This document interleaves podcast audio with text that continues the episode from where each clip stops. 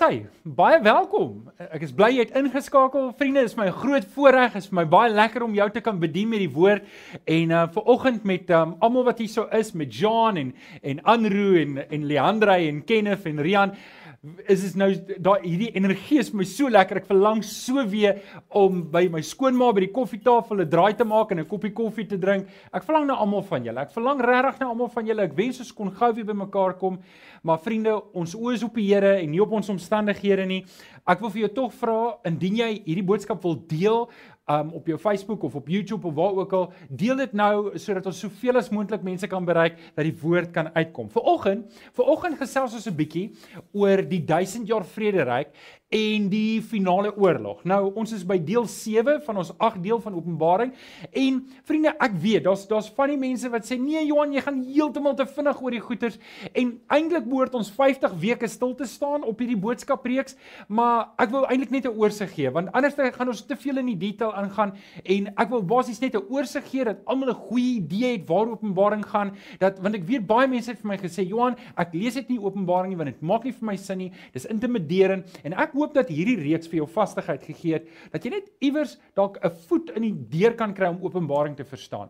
Al stem jy nie noodwendig saam met die hele interpretasie nie. Dit is oukei. Okay. Ons kan saamstem oor die oorkoepelende boodskap. So vanoggend kom ons by die 1000 jaar vrederyk. Ons kyk na Openbaring 19 tot 20 vers 1 en um, die vraag wat ons vanoggend na gaan kyk is wat is die 1000 jaar vrederyk? Wat is die finale oorlog? Hoe moet ons dit verstaan en waarom is dit vandag nog van toepassing. Kom ons sluit net die oë, dan bid ons saam.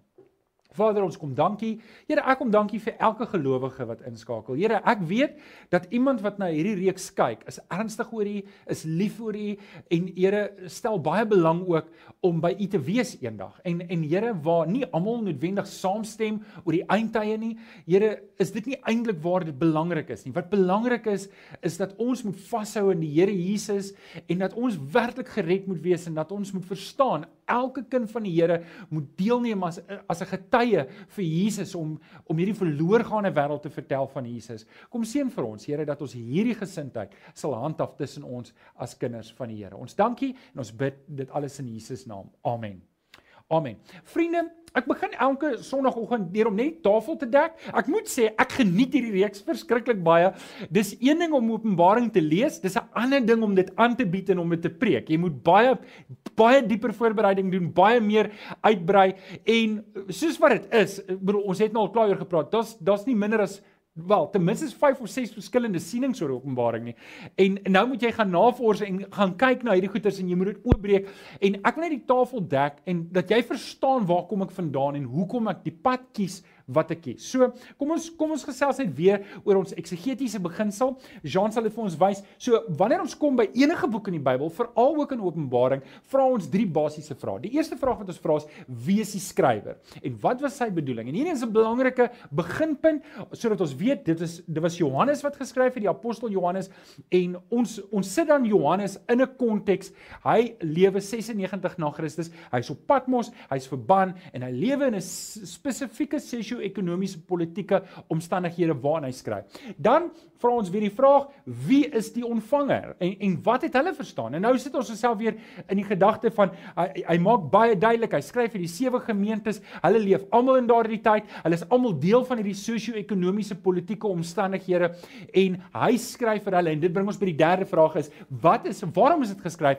Wat is die boodskap? Met ander woorde, het ons 'n skrywer, het ons het ons ontvangers en hier is 'n boodskap wat tussenin loop en as ons hierdie goed kan verstaan, wie is die skrywer? Wie is die ontvanger en wat is dit wat hierdie skrywer vir hierdie ontvanger geskryf het en dan kan ons begin om Openbaring of enige boek in die Bybel reg te verstaan. So, toe het ons mekaar ook gesê daar's drie tipe beelde waarna ons gekyk het in Openbaring. Die eerste tipe beeld waarvan die meeste is is die uh, Openbaring steen swaar op Ou Testamentiese beelde. So, tipies wat jy moet doen is as jy op 'n beeld kom, vra jy vraag, is dit 'n Ou Testamentiese beeld? As jy sê ja, dan moet jy teruggaan na die Ou Testament toe en jy moet gaan kyk wat die betekenis daar was voordat jy kan terugkom en die boodskap hier kan vasmaak. Die tweede tipe beeld was 'n beeld wat hy ook verduidelik het. So daar's beelde wat hy gebruik wat nie uit die Ou Testament uitkom nie en dan sal hy in Openbaring iets sê soos ek het dit gesien en dit is wat dit beteken. Dit kry ons ook baie in Openbaring en dit verduidelik hy dan self.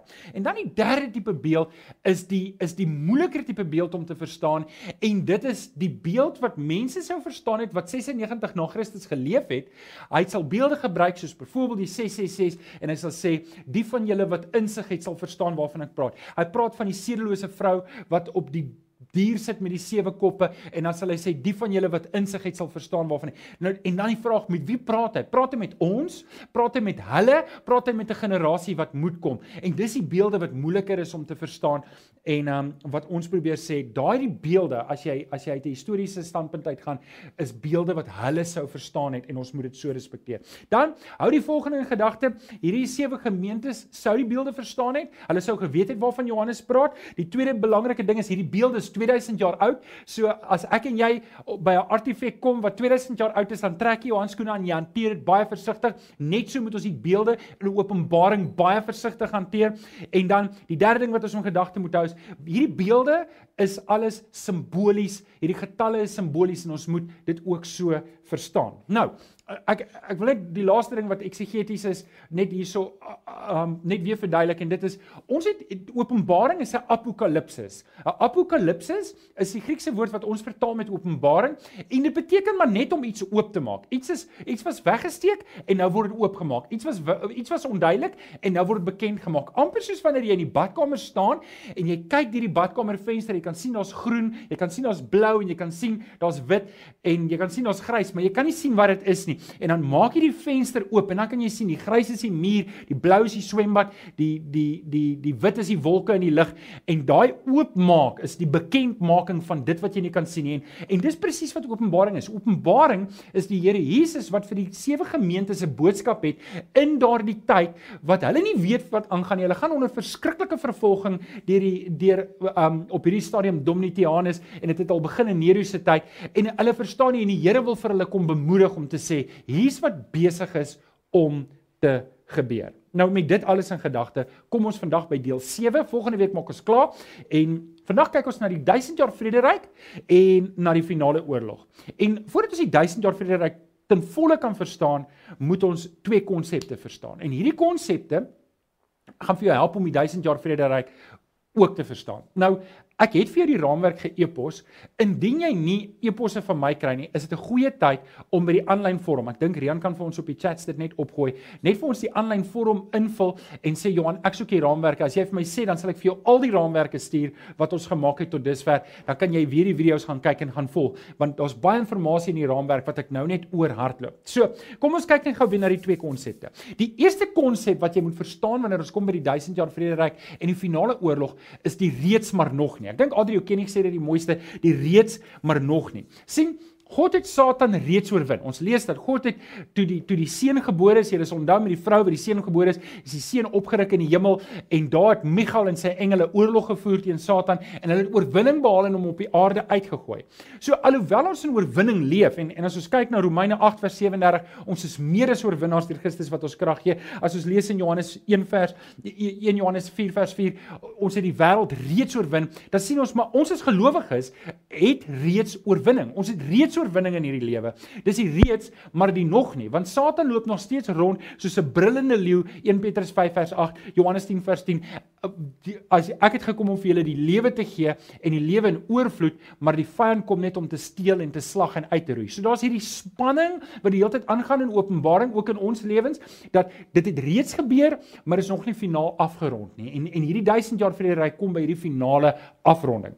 So dit is dis die eerste konsep, is die reeds maar nog nie en dan kom ons by die volëinding van die tye. Vanoggend gaan ek 'n bietjie met julle gesels oor die 1000 jaar vrederyk en die volëinding van die tye. Nou die volëinding van die tye is die tyd aan die einde van hierdie tydperk waarna ons is waar alles tot 'n einde kom. So alles kom tot op 'n klimaks en dan kom dit tot 'n einde en dis waar ons dan die Here Jesus van aangesig tot aangesig gaan ontmoet en waar die finale oordeel gaan wees en waar ons voor die Here gaan voor hom gaan lewe, in die hemel gaan wees en vir ewig saam met hom gaan lewe. Die volëinding van die tyd is wanneer hierdie aardse bestaan soos wat ons dit nou ken tot 'n einde gaan kom en die nuwe bedeling gaan begin waar ons saam met die Here gaan wees. Nou met dit in gedagte wil ek hê kom ons lees Openbaring 20 vanaf vers 1 tot 10. Ons lees dit saam. Toe het ek 'n engel uit die hemel uit sien kom met sleutels van die onderaardse diepte en met groot ketting in sy hand. Nou let net op, hierdie engel waarvan ons praat is is is is net 'n engel. Hy het nie 'n naam nie. Toe die vorige keer toe Satan hanteer is, het Michael en al die engele oorlog gevoer teen Satan en hom op die aarde gegooi. Hierdie keer is dit net 'n gewone engel met 'n groot ketting. In vers 2 lees ons: Hy het die draak, die slang van ouds wat die duiwel en die Satan is gegryp en hom vir 'n 1000 jaar vasgebind.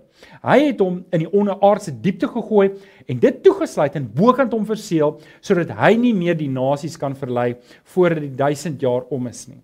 Daarna moet hy 'n klein rukkie losgelaat word. Vers 4. Toe het ek trone gesien en die siele van die mense wat onthoof is omdat hulle aan die getuienis van Jesus en die woord van God vasgehou het. Hulle het op die trone gaan sit en aan hulle is die bevoegdheid gegee om as regters op te tree. Dit is hulle wat nie die dier en sy beeld aanbid het nie en nie die merk op die voorkop en op die op die hand aanvaar het nie. Hulle het lewend geword en saam met Christus 'n 1000 jaar lank geregeer. Vers 5. Dit is die eerste opstanding. Die ander dooies het nie lewend geword voordat die 1000 jaar om was nie. Vers 6: Geseënd en heilig is die wat aan die eerste opstanding deel het. Nou wie is hierdie mense? Dit is die kinders van die Here. Al die gelowiges word hier, dis nie 'n spesiale groepie nie, dis al die gelowiges want in die volgende vers lees ons maar hulle Um ons lees verder maar hulle sal priesters van God en van Christus wees en saam met hom 'n 1000 jaar lank regeer. Dan lees ons verder want hulle sal nie in die tweede dood omgaan nie uh, omkom nie. Dan lees ons in vers 7, wanneer die 1000 jaar om is, sal Satan in sy gevangenskap losgelaat word, dan sal hy gaan om die nasies wat tussen die vier uithoeke van die aarde is, die Gog en die Magog te verlei en om hulle byeen te bring vir 'n oorlog. Hulle is so baie soos die sand van die see. Hulle het oor die hele oppervlakte van die aarde aangekom en die laar van die ongelowiges in die geliefde stad omsingel. Toe het daar vier uit die hemel uit afgekom en hulle verteer. Die duiwel wat hulle verlei het, is die poel, is in die poel van vuur en swaal gegooi, daar waar die dier en die valse profeet ook is. Hulle sal dag en nag gepynig word tot in alle ewigheid.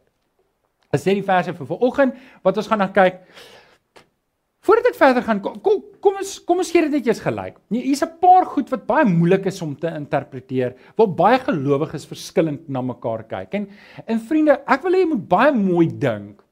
As jou siening wat jy het verdeeldheid bring tussen jou en ander gelowiges, dan dan moet jy vra, het jy die regte gesindheid wanneer dit kom by die eindtye? Um Daar's baie geleerdes, mense wat lief is vir die Here, net soos ek en jy. Mense vir wie ek baie baie liefhet, wat anders na Openbaring kyk as ek. En ek het 'n besluit geneem. Ek gaan nie laat dit skeiding bring tussen my en 'n ander broer in Christus nie. Onthou net nê, jou eindtydsiening is nie 'n voorwaarde vir jou redding nie.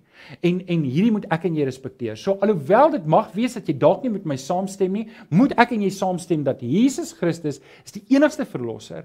Hy is die weg en die waarheid en die lewe en niemand kom na die Vader toe behalwe deur hom nie. So, en as jou versiening 'n bietjie verskil van myne, is dit oukei. Okay. Ek wil net vir jou vertel hoekom ek glo wat ek glo en dalk het jy geen siening nie, dan wil ek vir jou 'n siening gee en vir jou help om te sê, hoorie, hier's 'n lekker vasstra plek om te glo en om Openbaring te lees wat lekker goed kan sin maak en wat vir jou kan help om vorentoe te gaan. OK.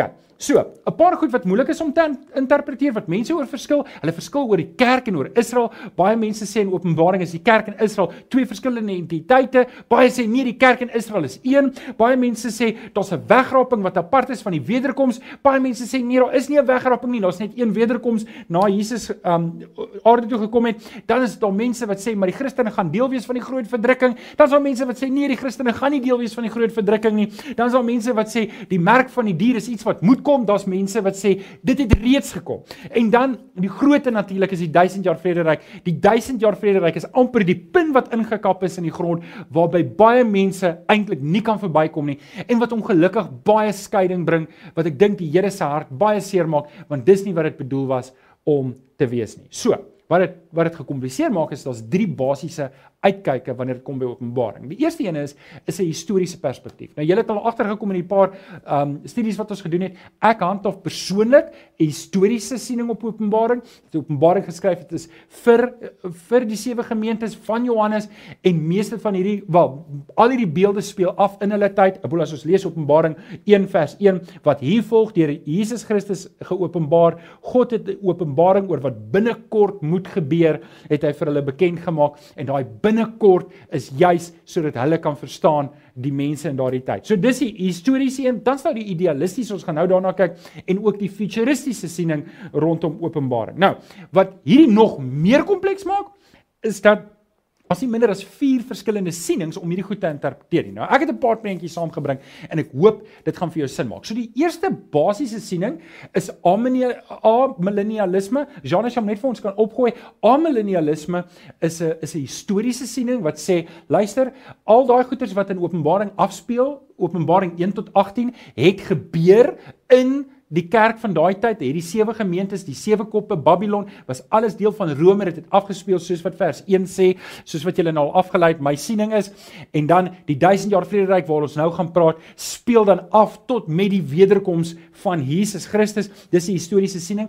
Ek het nie prentjies vir dit nie, Jean. Hou vas, maar daar's twee ander sienings ook en dis preterisme. Daar's daar's daar's preterisme wat glo, dis ten volle preterisme wat sê alles het afgespeel. Hulle verwag nie 'n wederkoms nie. Um ek glo egter dit nie.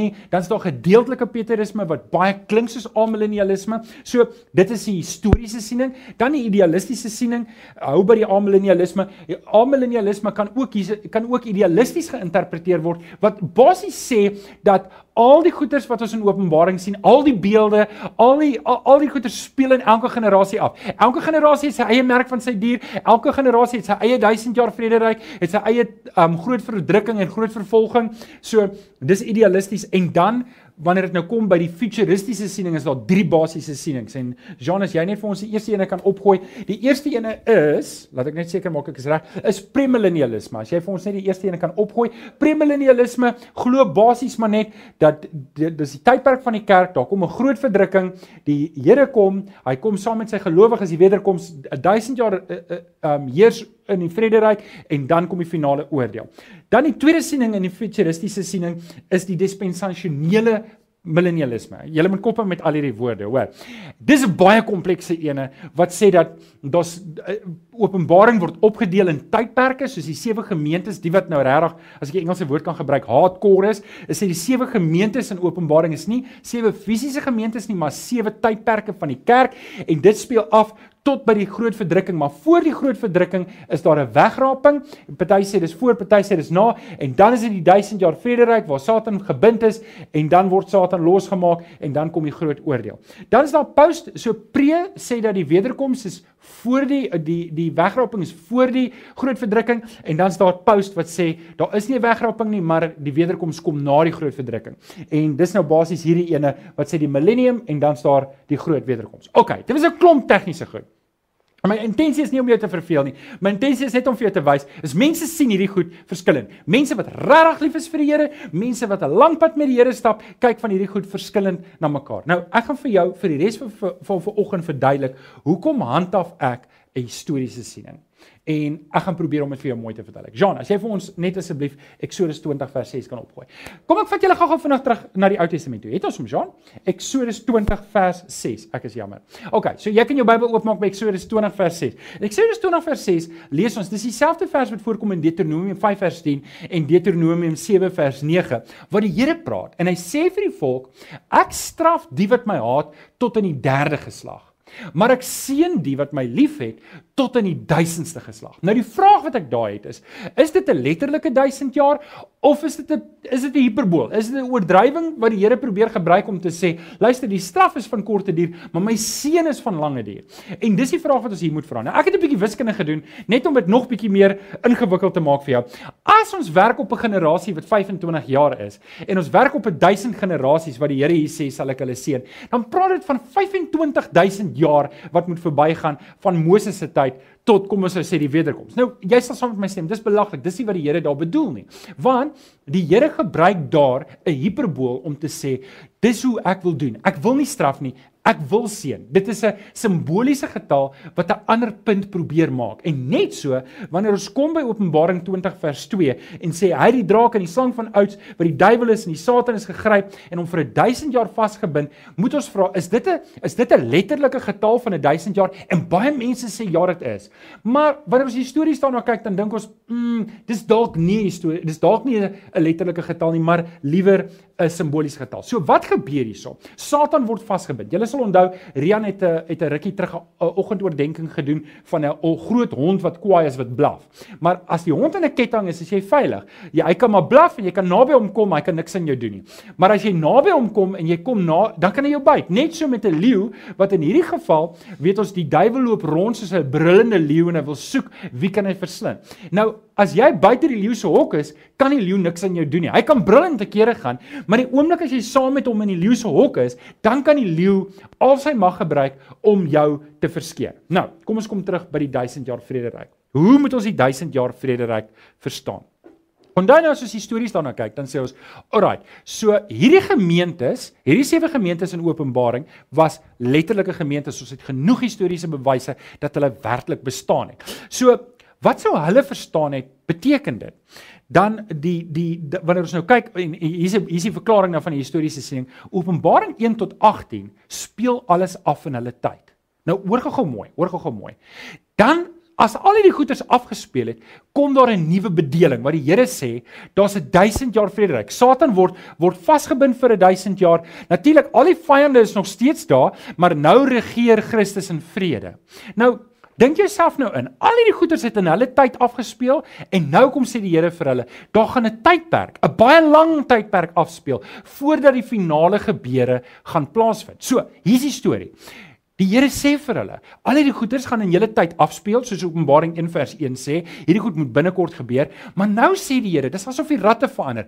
Nou moet daar 'n 1000 jaar verloop. Dan moet 'n baie lang tydperk verloop voordat die wederkoms plaasvind. Baie mense sê, "Maar hoekom het die wederkoms nog nie plaasgevind nie?" Wel Petrus maak dit baie duidelik. Die wederkoms vind nie plaas nie, nie omdat die Here dit bly uitstel nie, maar omdat die Here wil hê mense moet hulle bekeer. Die mense, die Here wil hê nog mense moet tot bekering kom. En dis wat die Here hier vir die kerk sê. Hierdie 1000 is 'n simboliese syfer wat praat van 'n baie lang tydperk wat moet verbygaan voordat die wederkoms plaasvind. Nou. Ek wil gou-gou die finale oordeel, die die finale oorlog en die 1000 jaar vir jou net in konteks sit. So, volg my gou-gou saam vanaf hoofstuk 19 vers 11. In 19 vers 11 lees ons: Die ryter op die wit perd. Dis nou voor die 1000 jaar vrede ryk. Die ryter op die wit perd kom en hy kom en hy het 'n swaard en hy gaan die nasies uh, hy gaan die nasies oorwin met die swaard uit sy mond uit. So hy kom en op hom staan daar geskrewe, ek dink is by die volgende vers, uh, hy hy tref vers 19 vers 15. Hy tref die nasies met die swaard uit sy mond. 19 vers 16 staan daar, hy is die koning van die konings. Hy is die Here van die Here. Maar dit sê nie direk dit is die Here Jesus nie, maar al hierdie terme word gebruik om wat wat in die Nuwe Testament gebruik word, laat die leser verstaan, hierdie is die Here Jesus self self wat kom. Dan lees ons verder die uh, in 19 vers 17 die engel staan op die son en die roofvoëls kom vreet die nasies op wat wat, wat eintlik vertel van absolute oorwinning en dan lees ons in 19 vers 19 die dier kom maak oorlog en die ruiter op die wit perd kry die finale oorwinning. So is dit hierdie groot oorlog wat plaasvind. Die nasies trek op teen die Here en die Here oorwin hulle en die voëls vreet al hierdie mense op. Dan skielik verander die storie. Nou is daar 'n 1000 jaar vrederyk. Nou staan in 20 vers 1 Satan word vasgebind vir 'n 1000 jaar. Dan 20 vers 4 die martelare word almal opgewek en hulle word beloon.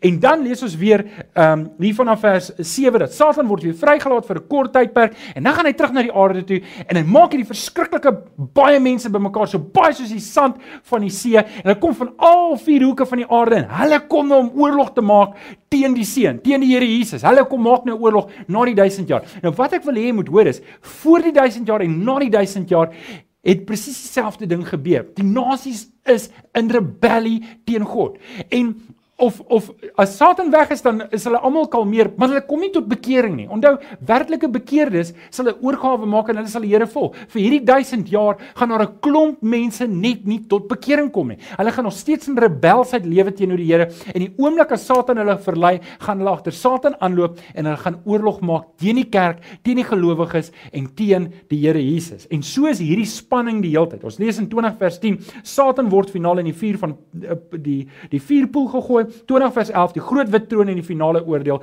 en 20 vers 11 die nuwe hemel en die nuwe aarde. Nou, okay, wat het ek nou vir julle vertel? Ek het vir julle die prentjie geskep van 'n oorlog, 'n 1000 jaar vrederyk en 'n oorlog. En wat jy hier moet verstaan is, reg deur die eeue gaan die evangelie nog steeds verkondig word. Reg deur die eeue het ons nog steeds die koninkryk wat gekom het. Jesus het gesê die koninkryk het gekom. In daardie tyd sal die mense sê kyk hier of kyk daar die koninkryk van die Here, maar ek sê vir julle die koninkryk van God is in julle harte. Die Here se koninkryk het reeds in ons gekom. So die historiese siening sal sê die 1000 jaar vrederyk is die spanning van die reeds maar die nog nie maar is ook die volëinding van die tyd. Met ander woorde, aan die einde van hierdie 1000 jaar van die wederkoms, aan die einde van hierdie baie lang tydperk waar die nasies aanhou op opvlam om teen God op in opstand te kom, gaan daar 'n finale oorlog kom. En hierdie oorlog is nie werklike oorlog nie. Dis meer 'n slagting. Dis meer hulle meld op om oorlog te voer, maar ons lees nie hulle doen enigiets nie. Ons lees net die Here verteer hulle met vuur, want geen mens kan in opstand kom nie. Satan kan nie in opstand kom teen God en enige iets vermag nie. God vernietig hom net daar. Nou, wat moet ons vir oggend huis toe vat? Wat moet ons vir oggend huis toe vat? En ek wil vir jou drie sleutels gee om huis toe te vat oor vir oggend se boodskap. Of jy nou saam met my stem oor die 1000 jaar vrede ryk of nie, dit dit maak nie nou saak nie. Waar ons moet saamstem is oor hierdie drie goeters. Eerstens is ek en jy wat in Christus Jesus is, leef nou in oorwinning. sien Daar's soveel verskillende goeters om te verskillende sienings hier, maar almal stem saam met hierdie ding. Christus is die finale oorwinnaar. En in Christus lees ons in Romeine 16 vers 20. Lees ons: God wat vrede gee, sal Satan spoedig onder julle voete verpletter. Die genade van ons Here Jesus is by julle. So met ander woorde Paulus het, het, het dit het dit lyk asof Paulus die gesindheid of die houding gehad het van ons lewe in oorwinning. Efesiërs 3 vers 21 tot 22 lees: Aan hom wat die krag wat in ons werk magtig is om oneindig meer te doen as wat ons bid of dink. Aan hom kom die eer toe in alle ewigheid. Nou, ek wil net hierdie woord vir jou wys. Deur ons verbondenheid. Ek en jy leef nie op onsself nie. Ons oorwinning is nie in ons eie krag nie. Ons oorwinning kom uitsluitlik deur ons verbondenheid met die Here Jesus. En dis waar Jakobus 4 vers 7 dan inkom. Jakobus 4 vers 7 sê: "Onderwerp julle dan aan God. Staan die duiwel te en hy sal van julle wegvlug. Nou daai konsep van is reeds maar nog nie. Luister, ek en jy lewe klaar in oorwinning oor die vyand, oor Satan. Maar ek en jy moet verstaan, die finale oorwinning is nog nie daar nie. Ek en jy kan net hierdie oorwinning uitleef solank ons in verbondenheid met Jesus Christus leef en solank ons die vyand weerstaan. Die oomblik as ek gaan terugval, dan gaan Satan hou vas kry op my en dan gaan ek as te ware in sy hok beland waar hy my kan verskeer. En daarom moet ek en jy mekaar aanmoedig. Moenie lou word nie, moenie flou word nie en moenie terugsak nie. Hou vas in die Here en dien hom voluit. As jy weer al sonde in jou lewe, bekeer daarvan. As jy weer ons goed wat verkeerd is in jou lewe wat nie die Here Jesus reflekteer nie, laat dit staan en gryp die Here Jesus aan. Dis die eerste ding. Die tweede ding wat ek en jy moet huis toe vat vir oggend is daar kom 'n finale oordeel vir almal. Daar kom 'n finale oordeel vir almal. 2 Korintiërs 5 vers 10 sê dit so mooi. Ons moet immers almal voor die regstoel van Christus verskyn. Nou, daar's baie gelowiges wat sê nee, maar ons gaan nie ons gaan nie voor die regtertroon van God verskyn nie. En dis nie eintlik waar nie. Elke mens in die Bybel leer dit, gaan voor God verskyn. Romeine 8 vers 1 sê wel, daar is dus nou geen veroordeling vir die wat in Christus Jesus is nie. Nou, miskien moet ek dalk net dit vinnig verduidelik. Om om om voor die regterstoel te eh, verskyn voor God en om geoordeel te word is net om te sê is, is iets reg of is iets verkeerd. Maar om veroordeel te word is om vir die een wat verkeerd is te sê, hier is jou straf. Jy's nou 'n veroordeelde krimineel. Maar vir my en jou gaan ek en jy voor die regterstoel van God verskyn en in Christus gaan God ons vryspreek en sê jy's vrygespreek want my seun, die Here Jesus het vir jou in die kruis gesterf en jy het hom aangeneem. Jy het Jesus Christus jou verlosser en saligmaker gemaak en sy bloed het vir jou sondes betaal. En dit gaan die wonderlikste wees van daardie dag. Want sien, ek en jy verdien niks nie. Ek en jy verdien nie hel Romeine 3 vers 23 en Romeine 6 vers 23 maak dit so duidelik dat almal het sonde gedoen en dit maak dit hulle onderbreek in die heerlikheid van God. En die loon wat die sonde gee is die dood. Dis wat ek en jy verdien, maar die genadegawe wat God gee Dit is in Jesus Christus. Dit maak dat ek en jy die lewe kan hê en gered kan word. En dis wat Jesus vir ons wil doen. OK, die derde ding wat ek jou mee wil huis toe stuur en dit is God wil ongelowiges red. Jy het my 'n paar keer dit oor sê en ek wil dit nou weer sê. Ek sien baie gelowiges Openbaring lees En dan lyk dit vir my asof hulle lekker kry dat daar 'n finale oordeel gaan wees en dat daar mense ongered is op daardie stadium. Ek ek ek sien Christene sê ja, die Here gaan hulle straf, die Here gaan hulle straf vir al hulle ongeregtigheid, maar dalk en dalk en ek hoop nie dit is jou geval nie, maar dalk is dit in jou hart. Ek ek wil net hê jy moet hierdie een ding oorweeg. Ons lees die hele tyd. Ons lees van die sewe trompette, ons lees van die sewe seels en die sewe bakke. Ons lees van die van die oorlog en ons lees van die oorwinning. En elke keer is dit of elke hoofstuk wat ons lees, word die oordeel intenser maar dit breek nie aan nie. Ek wil jou vra hoekom? Hoekom breek dit nie aan nie? Is dit presies wat Petrus sê nie? Is dat God stel nie die oordeelsdag uit nie, juis omdat hy wil hê mense moet hulle bekeer en mense moet gered word nie? Dan kan ek mos nie 'n houding hê om te sê, Here, want dis presies wat Jonah gedoen het. Jonah het na Ninive toe gegaan En en toe hy daar kom, toe weet hy God se hart. Hy weet God wil hulle red. Maar in sy hart wens hy God wil hulle straf en hulle doodmaak. En en vriende, partykeer dan dink ek, ons as gelowiges kyk na die wêreld. Ons kyk na ons kyk na ons regering en ons kyk na die politieke ry in ons land en eintlik vul dit ons met kwaad en dit vul ons met haat en eintlik hoop ons hulle gaan dood. En ons hoop hulle val onder die oordeel van God. En ons ons noem hierdie name van al hierdie mense wat in ons politiek is en ons is kwaad vir hulle. Maar julle die Here het ons nie geroep daarvoor nie. Die ek en jy Ons hartklop moet in lyn kom met God se hartklop wat sê die Here wil hierdie mense red. Ons moenie hoop hulle oordeel breek aan nie. Ons moet hoop hulle kom tot bekering. Ons moenie bid dat hulle tot 'n val kom nie. Ons moet bid dat hulle tot bekering kom. Dit is my en jou mandaat in Jesus Christus. Hoor net weer die vers in Romeine 2 vers 4. God is ryk in goedheid. In verdraagsaamheid en geduld. Sê dit vir jou niks nie. Besef jy nie dat God jou deur sy goedheid tot bekering wil lei nie. Nou vriende, terwyl Kenneth opkom, wil ek dalk net wil ek dalk net hierdie finale aandrang maak want dalk het jy ingeskakel. En en ek kan vaar iemand wat 'n openbaring reeks doen is regtig lief vir die Here. En veral as hy so ver gekom het tot hierso. Maar dalk het jy gekyk en jy weet jy's nie 'n kind van die Here nie. Jy weet vir oggend, jy weet as jy voor die oordeelstroon van God nou te staan gaan kom, gaan die Here vir jou sê, "Gaan weg, ek het jou nie geken nie." En jy moet vir oggend 'n keuse maak voor die Here. En ek wil vir jou vanoggend uitdaag, soos wat soos wat Jesus gesê het vir die gemeente in Laodicea in Openbaring 3 vers 20 sê, kyk ek staan by die deur en ek klop en ek wil inkom. En as jy vir my oopmaak, sal ek inkom en ek sal saam met jou 'n feesmaal hê. Ek wil vanoggend vir jou 'n geleentheid gee dat jy ook die Here Jesus kan aanneem. En hoe mense dit doen is as jy kom voor die Here en jy gaan staan op jou knieë en jy sê Here, ek is 'n verlore sondaar. Ek is 'n verlore sondaar en ek kan ek kan niks doen in my eie kondisie nie. Ek het Jesus nodig en ek aanvaar Jesus se kruisdood vir my en ek draai my rug op myself. Ek draai my rug op my ou lewe en ek kom tot bekering. Ek draai my weg van dit af en ek gaan van nou af vir Christus lewe.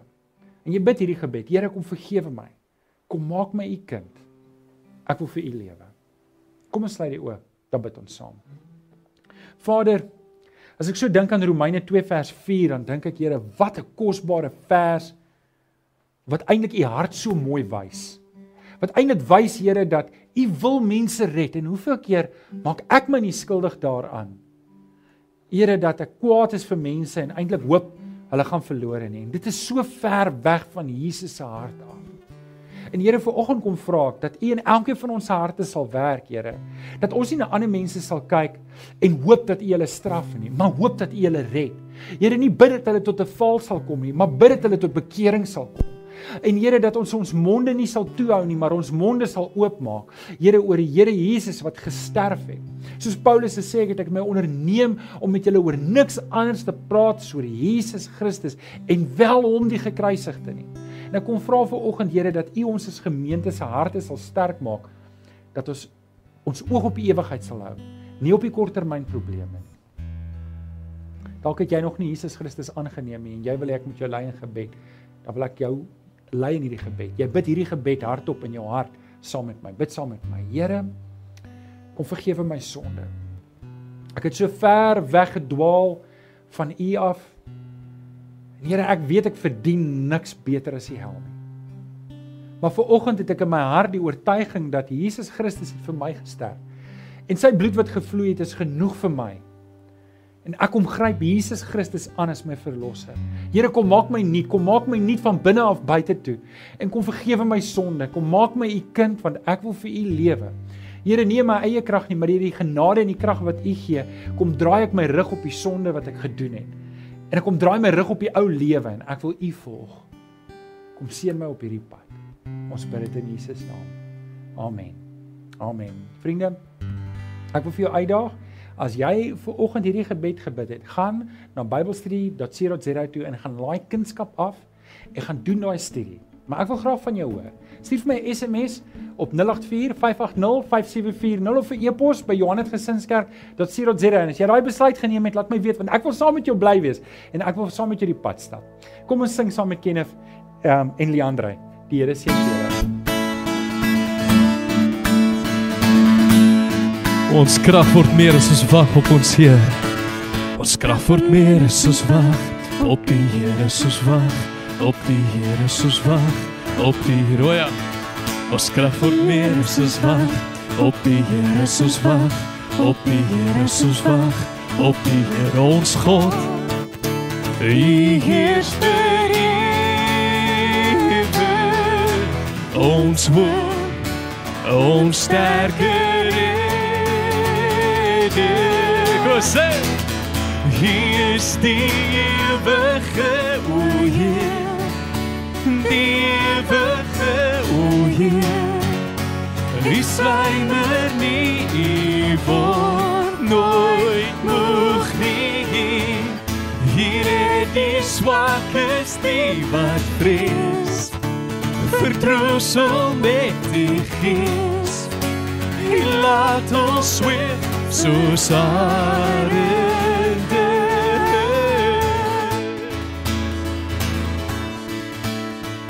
Ons krag word meer. Kom ons sing kerk. Ons krag word meer as ons wag op die Here soos wag op die Here soos wag op die Here. Ons krag word meer as ons wag op die Here soos wag op die Here soos wag op die Here ons God. Hy heers vir ewe ons woord ons sterker rede hier is die ewige o Heer. Die ewige o Heer. Hy slymer nie hy word nooit moeg nie hier het die swakes die wat vrees vertroostel met die gees. Hy laat ons sweef soos arende en hy is die ewige o Heer en die ewige o Heer hy slymer nie hy word nooit moeg nie. Hy red die swakes die vrees vertroostel met die gees. Hy laat ons weer soos arende